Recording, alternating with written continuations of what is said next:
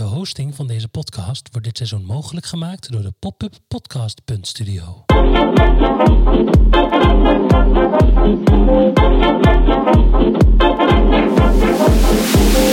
Ik vind hier iets van. De podcast met discussies zoals je die in de auto voert. Of in de trein. Of op het terras. Of in een bubbelbad. Of overal dus. En het gaat over. Over. Over alles eigenlijk.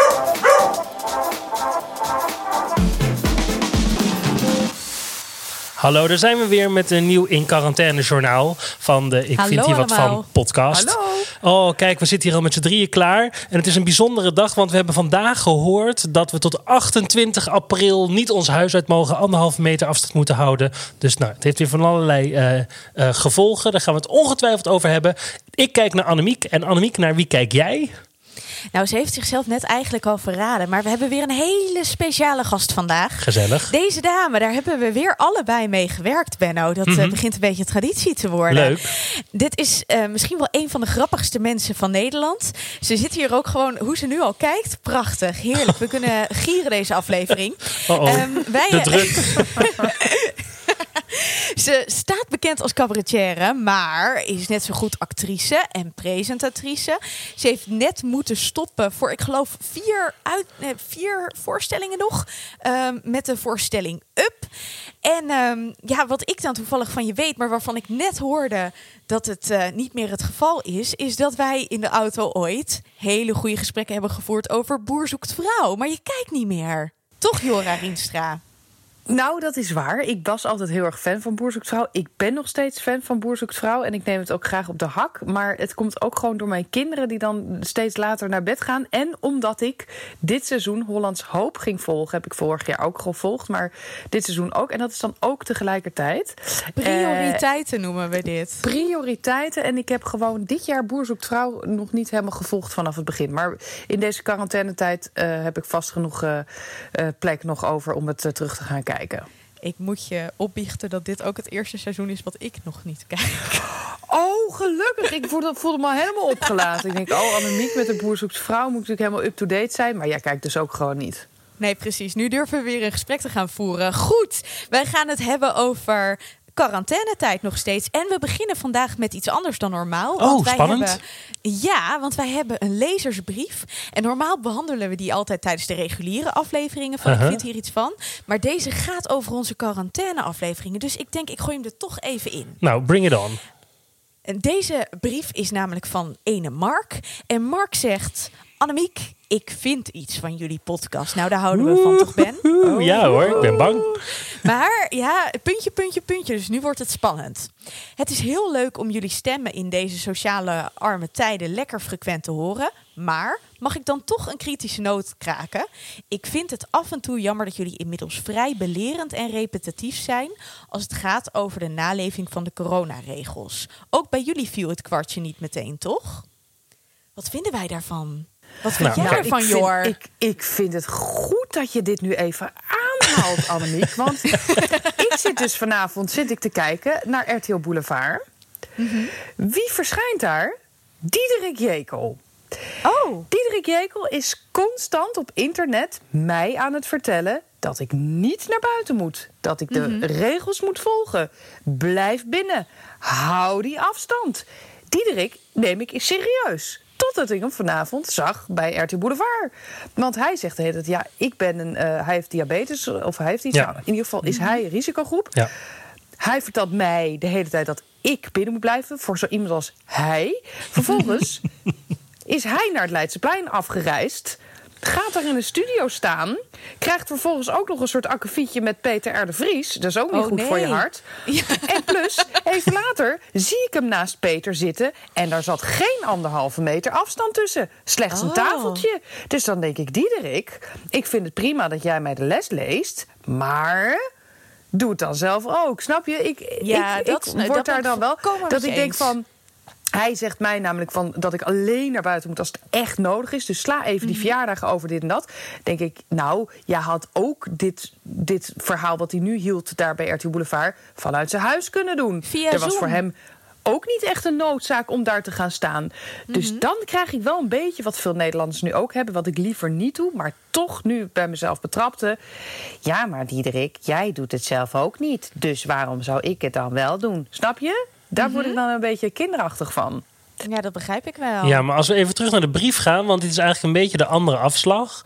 Uh, ik, ik denk namelijk dat we allemaal along the way erachter zijn gekomen dat de boel wat serieuzer was dan. We hebben heel lang heeft het geduurd voordat we waren waar we nu waren. Ja. En ja. Um, ik heb inderdaad in het begin ook nog wel even gedacht van... ja, fuck it. En het is gewoon een griepje en even doorzetten met z'n allen. En ik heb ook eigenlijk nog veel te lang mensen geknuffeld en dat soort dingen. Um, mm-hmm. En toen is er inderdaad een besef gekomen dat we dat niet meer moeten doen. En tijdens onze in quarantaine journaals ben ik enorm voorstander. En uh, uh, uh, bejubel ik alles wat ik maar zeggen kan over dat we dat vooral die anderhalve meter afstand moeten houden.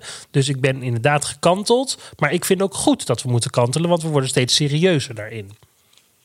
Ja, en om hierop aan te sluiten, ja. ik vind wel dat um, als je een bekend persoon bent, en dat sluit dan ook weer aan op wat uh, Jora zegt, nou, dat, dat ben ik niet, maar ik heb nu wel een bepaald medium. En ik vind dat juist als je een bepaald medium uh, gebruikt en daarmee bij mensen in de huiskamer komt, dat je het goede voorbeeld moet geven. En daarom ben ik misschien ook een beetje missionaris als het hier om gaat. Um, maar ja, je zult mij dan ook niet bij RTL Boulevard in de studio zien. Hoe nee, leuk kijk, ik RTL Boulevard ook vind. Ik, ik, ik ben het ook eens en, en ik hou me ook helemaal aan de regels. Nou, ik, me, ik heb lichtelijk smetvrees, dus ik waste mijn handen sowieso al 20 keer per dag. Nou doe ik het 30 keer of 40 keer. in die zin kan ik er ook eigenlijk voor uitkomen dat ik gewoon lekker met een mondkapje op kan lopen. Vind ik ook heerlijk, want dat wil ik eigenlijk mijn hele leven al. En nu hoef ik me er niet meer voor te schamen. Dus ik ga oh, echt in die supermarkt, heb ik gewoon een mondkapje op. Uh, ook al is het gewoon een soort slappig mondkapje, maakt niet uit. In die zin is dit een heerlijke tijd voor mij, want ik kan helemaal mijn eigen angststoornissen ten, ja, hoe noem je dat? laten zien. Mijn eigen, nou, eigen hypochondrie, alles uh, mag ik gewoon uiten en laten zien. Het is echt alsof ik opnieuw uit de kast ben gekomen. Oh, ik voel dus het zelfde, joh. Ik hoorde, ja. gisteren, ik hoorde gisteren in de uh, podcast van Pepijn Schoneveld ook dit. Zo van het is een soort van de hemel voor mensen met een angststoornis. Maar het is ook, zeg maar, voor mensen die enigszins destructief zijn. Is het ergens, tenminste, dan ga ik even naar mezelf kijken. Is het ergens ook best fijn? Want de meest destructieve gedachten in mijn leven heb ik al gehad. Dus ik vind dit allemaal niet zo eng meer. Nee, dit valt dan nog wel mee voor jou ja. natuurlijk. Nou, dat ja. is echt zo. Ik weet niet, op een of andere manier trek ik het wel goed. Nee, en ik denk ook wel dat heel veel mensen toch gewoon uiteindelijk... Uh, ja, uh, hoe moet ik het zeggen? Nou, kijk, nou, laat ik het zo zeggen. Waar ik wel moeite mee heb, is het feit dat de risicogroepen waar het hier over gaat, dat wij dus allemaal binnen moeten blijven vanwege de risicogroepen. Maar als ik buiten kom, onder andere de risicogroep bijvoorbeeld 70 plus het meest op straat zie. En ja. bij elkaar zie klitten op de markt. En dan denk ik wel, lieverds, ik ben blij dat jullie lekker van je pensioen kunnen genieten. Maar mijn hele carrière is weg. Ik heb geen werk meer. En jullie staan nu buiten. En is dit niet de reden waarom wij nu allemaal binnen moeten blijven? En spreek je ze daar dan op aan? Nee, want, uh, want mensen boven de 70 kunnen ook behoorlijk agressief uit de hoek komen. Hè? Dat, uh, dus dat vind ik Dan komen we terug uh, bij jouw angsten. ja, die kunnen opeens heel... Nee, maar ik merk wel dat me dat wel irriteert. Want dan ook, zeg maar... Ik hoor ook wel van mensen, hun ouders. Mijn ouders zijn ook wel lang een beetje naïef gebleven. Die heb ik er echt op moeten aanspreken als een soort lerares. Zo van, neem het nou serieus, weet je wel. En dan deed mijn vader een beetje lacherig over. En dat stoort mij wel. Want dan denk ik wel, maar waarom moeten wij eigenlijk nu allemaal uh, de hele economie stilgevallen? Waarom, dat is serieus een vraag. Waarom zetten ze niet al die mensen die dus een risico zijn in quarantaine vier maanden? Nou, ik denk ook dat het daar naartoe gaat. Ik denk, als ik goed naar de woorden van uh, Balkenende heb, of uh, Balkenende, Jezus. Goed. Nou, ik moet zeggen, ik had ook bijna het Polygoonjournaal verwacht vanavond. Maar dit, dit is een goede zeg. Als ik goed naar de woorden van Rutte heb geluisterd... en ik, volgens mij was het een vraag van een van de journalisten... na de officiële persconferentie... Uh, is het plan om op een gegeven moment af te gaan bouwen. En dat mensen die wel weer kunnen, langzaam weer het werkveld ingaan. En dat de mensen die in een bepaalde risicogroep vallen, nog wat langer thuis zitten. En ik kan me ook voorstellen dat je daar naartoe werkt. Want op een gegeven Maar moment. zodra er getest kan worden, toch? Voor die tijd nog niet. Nee, precies. Maar dat gaat ook niet Ja. volgende maand gebeuren. Dat, maar volgens mij loop, gaan we daar automatisch naartoe. Nou ja, goed. Ja, Eh, ik, ik, kijk, weet je, dat is het ook. Ik bedoel, ik ben geen expert. Dus ze zullen het wel echt wel goed hebben verzonnen hoe ze dit aanpakken, in principe. Tenminste, daar ga ik dan vanuit. Eh, maar sowieso is het natuurlijk al. We, we zijn net gechoqueerd over eh, dat er een eh, beddentekort is, bijvoorbeeld op de IC. Nou ja, ik hoorde nog voordat die corona hier helemaal uit was uitgebroken, dat Nederland sowieso maar iets van 1260 IC-bedden hadden. Dat is ook niet dat, veel. Dat, dat, dat is niet veel. Snap je Nee. wat ik bedoel? Dus wij komen nu ook. Nee, maar we komen nu natuurlijk ook steeds meer achter dingen. eh, waar we ons voorheen natuurlijk helemaal niet druk over maakten. Omdat je constant dat nieuws eh, eh, te horen krijgt. Dus ook. En al die doden hebben nu ook een gezicht en een naam en een verhaal. Normaal gesproken hoor je dat natuurlijk niet wanneer er iemand overlijdt aan een griep. En, en nu is het opeens oh, zoveel doden. En het zijn er ook veel. En het mag ook niet meer worden, wat mij betreft. Alleen, ehm, het is natuurlijk wel zo dat we al eerder ook heel veel sterfgevallen hadden om andere dingen. En dat hoor je natuurlijk niet. En daarom grijpt het mensen ook eh, zo aan. En ik ben helemaal voor dat we dus rekening met elkaar moeten houden. Alleen ik vind het wel lastig worden op het moment dat, dat een bepaalde groep waar je dus rekening mee moet houden. En juist om diegene die het gaat, dat ik die dan op de markt samen zie klitten en lekker gezellig koffie zie drinken. Want dan denk ik wel, ja jongens, ik weet niet hoor. Maar voor mij persoonlijk en voor jullie waarschijnlijk ook, heeft dit niet alleen een, een mentale consequenties, maar ook een financiële eh, consequenties. Maar echt heel groot. En dat is wel een beetje het verschil met sommige mensen die gewoon door blijven werken, maar dan vanuit huis. Bij ons is er gewoon een heel, heel, heel gat gevallen. En, ehm, en daar probeert de overheid wellicht iets aan te doen. Maar de kans dat jij eh, die, die, die, die financiële eh, toenadering krijgt, is ook heel klein. Is het dan ook zo om even helemaal terug te grijpen naar het concept dat we totaal verloren zijn inmiddels? Dat als we gaan kijken naar eh, Oh, jouw nee, nee, dat geeft toch? Ja, het nee, komt door Jora. geeft toch helemaal niks. Houden we Nee. weer niet aan de regels? Nou, Huh? inderdaad, eh, Jora. Ehm, maar waar het op neerkomt is dat wij dus altijd een positief puntje en een negatief puntje. Nou, positief was volgens mij heel duidelijk dat jij heel blij bent dat je je smetvrees kan uitdragen. Klopt dat? Ja. Nou, ik ben, dat vind ik positief. Wat ik ook. Nee, laten we even positief. Dat vind ik wel goed. Wat ik ook positief vind, is dat mijn ehm, perceptie van waar ik gelukkig van word, is veranderd. Dus ik word nu gewoon heel gelukkig op het moment dat de kinderen lekker in bed liggen. En ik een KitKat kan eten. nou, en een serie kan kijken. Daar geniet ik intens van. Ik ben blijk enorm gelukkig te worden van puzzelen. Eh, de berging heb ik opgeruimd. En mijn kinderen eh, zijn ook veel gelukkiger met weinig. Dus die kunnen echt met een, met een, met een stokje en een, en een takje en, met, en, en weet ik veel wat zich vermaken. Dat ik ook denk, nou, maar we hoeven niet elke. Waarom ben ik elk weekend toch naar al die pretparken en weet ik veel wat allemaal die, die massafestijnen geweest? Dus helemaal nergens voor nodig. Ehm, dus dat, dat vind ik wel grappig om te zien van, goh, weet je, je hebt eigenlijk niet zoveel nodig. Nou, we leven heel zuinig, want ja, we geven, ja, KitKats, dat kost me wat Ja, geld, dat maar heb voor ik de ook. rest. Ik geef niks Ja. uit. Oh nee, oh, wij bestellen ons echt helemaal de ziekte. Nou ja, wij aan. is ons huishouden, hoor wat ik zeg. Ons wat huishouden. bestel je dan? Nou, gewoon eh, dingetjes, kleding, gedoetjes. eh, Nee. Ja, maar dat Doe heb je nu toch niet nodig? zeg. Ik zit nu ook heel mooi in mijn onesie met Ja, erop. nou ja, zo is ieder huishouden eh, verschillend. Hè? Lees tussen mijn regels door. Maar goed, Maar dat is een heel goed terug. positief ding, eh, Jor. Want eh, eh, ik heb ook een heel mooi positief ding. En, eh, en wel het volgende. Ehm, ik hoorde een eh, wetenschapper, er zijn alleen maar wetenschappers tegenwoordig op de radio, maar ik hoorde een wetenschapper zeggen dat eigenlijk eh, het idee dat we nog tegen konden gaan dat de aarde maximaal anderhalve graad op zou warmen, dat dat een utopie was. Dat dat eigenlijk allemaal niet meer zou gaan lukken, want in hoe wij leefden ging dat niet gebeuren. En door wat er nu is ontstaan, dat we met z'n allen opeens wel thuis kunnen werken, dat we veel minder auto's rijden, dat we veel eh, eh, rustiger aanleven. Dit is de kans in ons leven om toch te zorgen dat we die, eh, eh, dat we die CO2 een beetje naar beneden kunnen drukken, waardoor die eh, anderhalve graad opwarming maximaal gehaald kan worden. Ja, maar Benno, word ik kan je heel één ding zeggen. Zodra die einddatum is gekomen, gaat iedereen dat overcompenseren? En gaan we echt met z'n allen het weer helemaal platwalsen? En, want wij denken nu, want dat is natuurlijk ook heel tricky. Het is een beetje van. Oké, je bent op vakantie geweest. Je hebt het heel fijn gehad. En je denkt bij jezelf: als ik thuis kom, ga ik dit gevoel doorzetten. Is dat je ooit gelukt?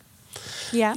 Eh, nou, ik vind, ik, ik, ik snap wat je zegt. Ik ben er ook bang voor, voor wat je zegt. Tegelijkertijd ben ik wel zo hoopvol dat ik hoop dat we met z'n allen in staat zijn om toch dit voor, eh, voor eens en voor altijd te, te, te, draaien. En dat, dat start bij dat we dat met z'n allen uitstralen en met z'n allen roepen. Eh, en wie weet eh, gaat dat dan lukken. Ik had net een heel mooi bruggetje naar mijn negatieve puntje van de week. Maar ik wil nog één positief dingetje geven. Graag. Die leuke Jora die tegenover ons zit, die heeft zoiets fantastisch georganiseerd vorige, de- vorige week. Live Aid. En nu Ja, zullen maar dat jullie allemaal dus- denken... Ja, maar dat had ik niet zelf georganiseerd. Ik was Oh, gevraagd om het te presenteren. Oh, want nou, ik vond de naam zo briljant. Want iedereen denkt dan 1985, zeker naar Bohemian Rhapsody. en dan he- was het dus niet Live Aid, maar het was Live Aid met EET. Nou, ik vond het heerlijk. Ik heb ervan genoten. en was vertel eens, Jor, wat leuk. was het? Nou, het was dus uiteindelijk. Ik werd er dus ook voor gevraagd om het, eh, om het dus te, te, te hosten, zeg maar. Eh, want het was vanuit een, eh, een reclamebureau georganiseerd. Ehm, eh, een, go- een goede doelenactie voor de voedselbank. Want de voedselbank heeft het nu momenteel heel erg moeilijk. Omdat er dus. Kijk, de voedselbank krijgt producten ook wat overblijven, bijvoorbeeld uit de supermarkten. Maar omdat er zoveel wordt gehamsterd, eh, blijft er te weinig over. De voedselbanken hebben veel minder. En een aantal voedselbanken, nou ja, die, die worden niet meer goed gerund. Omdat er vrijwilligers niet meer mogen komen. Want die hebben, zijn dan weer een risicogroep. Nou, heel veel gedoe. In ieder geval, er is echt een gebrek aan. Eh, aan voedsel. Eh, dus er moet eh, voedsel worden ingekocht. Wat normaal dus overblijft, moet er nu worden ingekocht. Ehm, en daarvoor was die benefiet omdat er dus geld moest vrijkomen om die voedselbanken nou ja, weer op de rails te krijgen op een goede manier. Want er zijn nu ook veel meer mensen bijgekomen die de voedselbank nodig hebben door die coronacrisis. En hoeveel hebben jullie en- opgehaald? Ja, En wat- eh, op die avond zelf, want het duurde maar anderhalf uur, ehm eh 12.000 euro. Maar de, de lijnen, dat? De, de online is het nog open gebleven. Dus er zal vast veel meer zijn opgehaald. Maar Dus wat- heb jij nog er- niet gedoneerd en ben je geen ZZP'er en heb je nog iets te Ja. besteden? Kijk even op.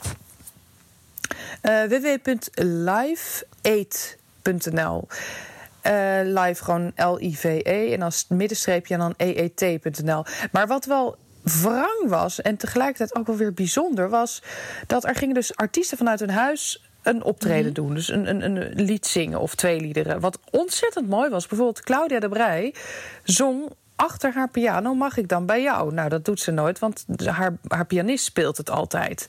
En het een beetje door haar zenuw of zo. Het was zo. Ik was vond het echt gewoon de mooiste versie die ik eh, in tijden had gehoord van haar, omdat het dus heel oprecht en, en, en simpel was. En Tim Knol ook, die speelde een geweldig nummer. Nou ja, zo deed iedereen iets vanuit de huiskamer en ik hostte dat dan vanuit de studio. Uh, maar het wrange vond ik wel dat en het mooie ook dat artiesten merkte ik op zetten zich ongelooflijk in in deze tijd. Er zijn Ja. zoveel artiesten die dus hun werk kwijt zijn geraakt, maar die zetten zich wel allemaal constant vrijwillig in om bijvoorbeeld mensen te troosten met liedjes, eh, door iets grappigs te maken online, door, eh, nou ja, wat jullie nu ook met je podcast. eh, Jij met je vlogs. ik vlog, maar ook zo'n live eet. Weet je, iedereen, al die artiesten zijn zo bereid om iets te doen, ook voor het goede doel. Maar goed, ik, iedereen die ik daar interviewde, was nu werkloos. Ik bedoel, Tim Knol die vertelde mij van ja, ik, ik, eh, ik, ik zing nu hier voor de voedselbank. En daar ben ik, dat wil ik juist ook graag doen. Want er bestaat een kans dat ik daar zelf misschien gebruik van moet gaan maken. Eh, want hij leeft bijvoorbeeld van live shows spelen. Ja. Eh, en ja, dan denk ik wel, jeetje joh. Het is toch wel, ja, de, gewoon die culturele sector gaat mij gewoon enorm aan het hart. Ja, jullie vast ook. ja, enorm. Ja, Enorm. En dat, eh, dat ja, vind ik dan wel, denk ik, jeetje, maar eigenlijk hebben we zelf een benefiet nodig. Ja, nee, dat is zeker waar. Ik heb net mijn eh, ZZP-aangifte gedaan. Ik kreeg hem in de bus. Tenminste, in mijn mailbox. Ja, ik Ja. ook in de mail, ja. Het, Ja. is, het is echt, maar tegelijkertijd ben ik wel heel blij. En dat vind ik dan, dat is mijn positieve puntje van de dag. Nog even voordat we snel naar de overlevingstips gaan. Want Heel dan zijn we er alweer doorheen. Ja, hoor. Ehm, mijn is wel dat ik vind dat. eh, iedereen wel echt zijn best doet. En inderdaad, wij hebben het eh, in de creatieve sector op het moment echt niet makkelijk. Maar het feit dat er zo'n compensatie komt, vind ik echt al wel heel erg tof. En daar moeten we misschien niet tevreden mee zijn. Maar ik merk. Nou, als hij er ja. komt, hè, Annemiek. Want eh, ik hoor Ja, nu dat al is van een waar. aantal mensen dat, die, dat, dat ze hem helemaal niet kunnen krijgen. Want dan voldoen ze weer niet aan bepaalde regels. Dus ik, eh, ik ben er nog een beetje sceptisch over, als ik heel eerlijk ben.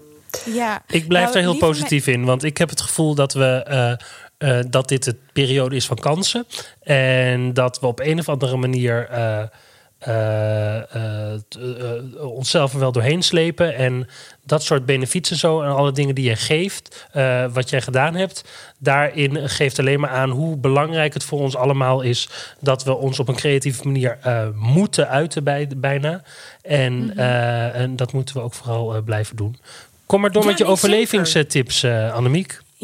Nou, eh Jor mag wat mij betreft beginnen. Wat is jouw overlevingstip van vandaag?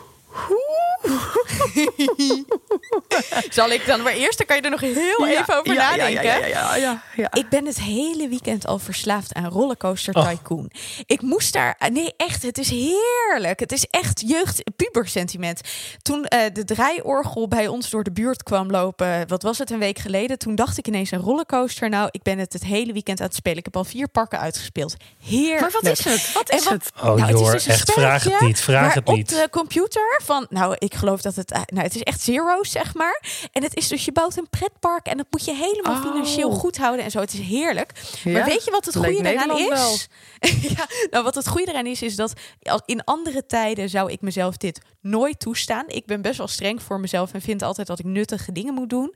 Maar ineens is er voor mij ruimte voor Rollercoaster Tycoon. Nou, dat Goed, we je. overlevingstip van Benno. Ik, eh, ja, het is een beetje een saaie overlevingskip, maar ik ben weer helemaal gedoken in eh, Dream School. En eh, Oh, dat vind ik al een paar seizoenen echt fantastische televisie. En eh, hoewel ik, eh, ik heb een ontzettende haat-liefde relatie met Lucia Rijker. Want ergens vind ik haar super saaiig.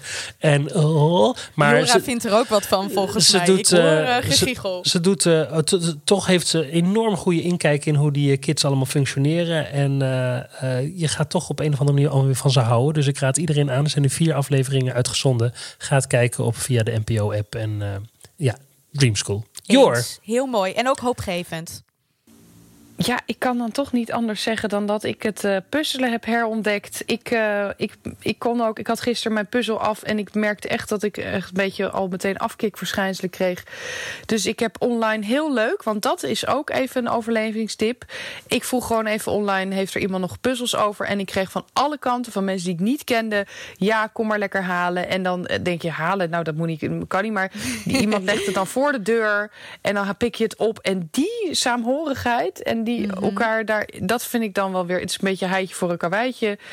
Behalve dat je het heitje niet hoeft te geven en het karweitje niet hoeft te doen. Heel goed. Heerlijk. Heel Ik goed. denk Ja. dat de luisteraars nog één ding willen weten. Namelijk, hoe gaat het met je, Benno? Want eh, twee afleveringen geleden vertelde je dat je een beetje ziekig was. Ja, het is eh, nog steeds eh, het- oké. Ik heb nog een gek hoesje, maar het wordt niet erger. En als ik de richtlijnen van Rutte eh, weer eh, volg, dan eh, mag ik gewoon nog met mijn gezin naar buiten. Dus eh, eh, het, het is oké. Het is oké. Eh, ik snotter nog steeds niet heel erg. Dus ik denk dat, het, dat er niet zoveel aan de hand is. Fijn om te horen. Nou, dan gaan we afsluiten. Inmiddels zit ik helemaal in het donker. Want Ja, we het is echt bizar. Ik dacht, ik wilde niks van En- zeggen. Maar jezus, het is echt zo Ik vergeten een lamp jullie- aan te zetten. En mijn lief die luistert niet. Nee, het maakt niet Nee, uit. nee, daarom maakt het niet nee, uit. maar jullie zien me niet Oh. meer. Nee. Maar goed, Nee. ik Eh, wil jou ontzettend bedanken, lieve Jor. Ja, en zoek Fijn ook even op op een, eh, op een eh, die maakt ook hele leuke vlogjes en zo. Dus dan kan je er ook Die allemaal komen in de volgen. show notes. Oh, heel goed. Heel goed, heel goed. Ja. Leuk. En ook jouw, jouw nieuwe tv-programma. Want eh, dat is ook eh, heel goed voor het humeur van de mens. Leuk. Nou, eh, gaat er allemaal kijken. Ehm, ik start intussen de eindtune alweer. En ik wil iedereen danken voor het luisteren. Jor, de, uh, de olijfolie komt natuurlijk jouw kant op. Fijn dat je er oh, was. Heerlijk, ja. Dankjewel Annemiek. En de volgende is waarschijnlijk weer een reguliere aflevering. Dus tot de volgende allemaal.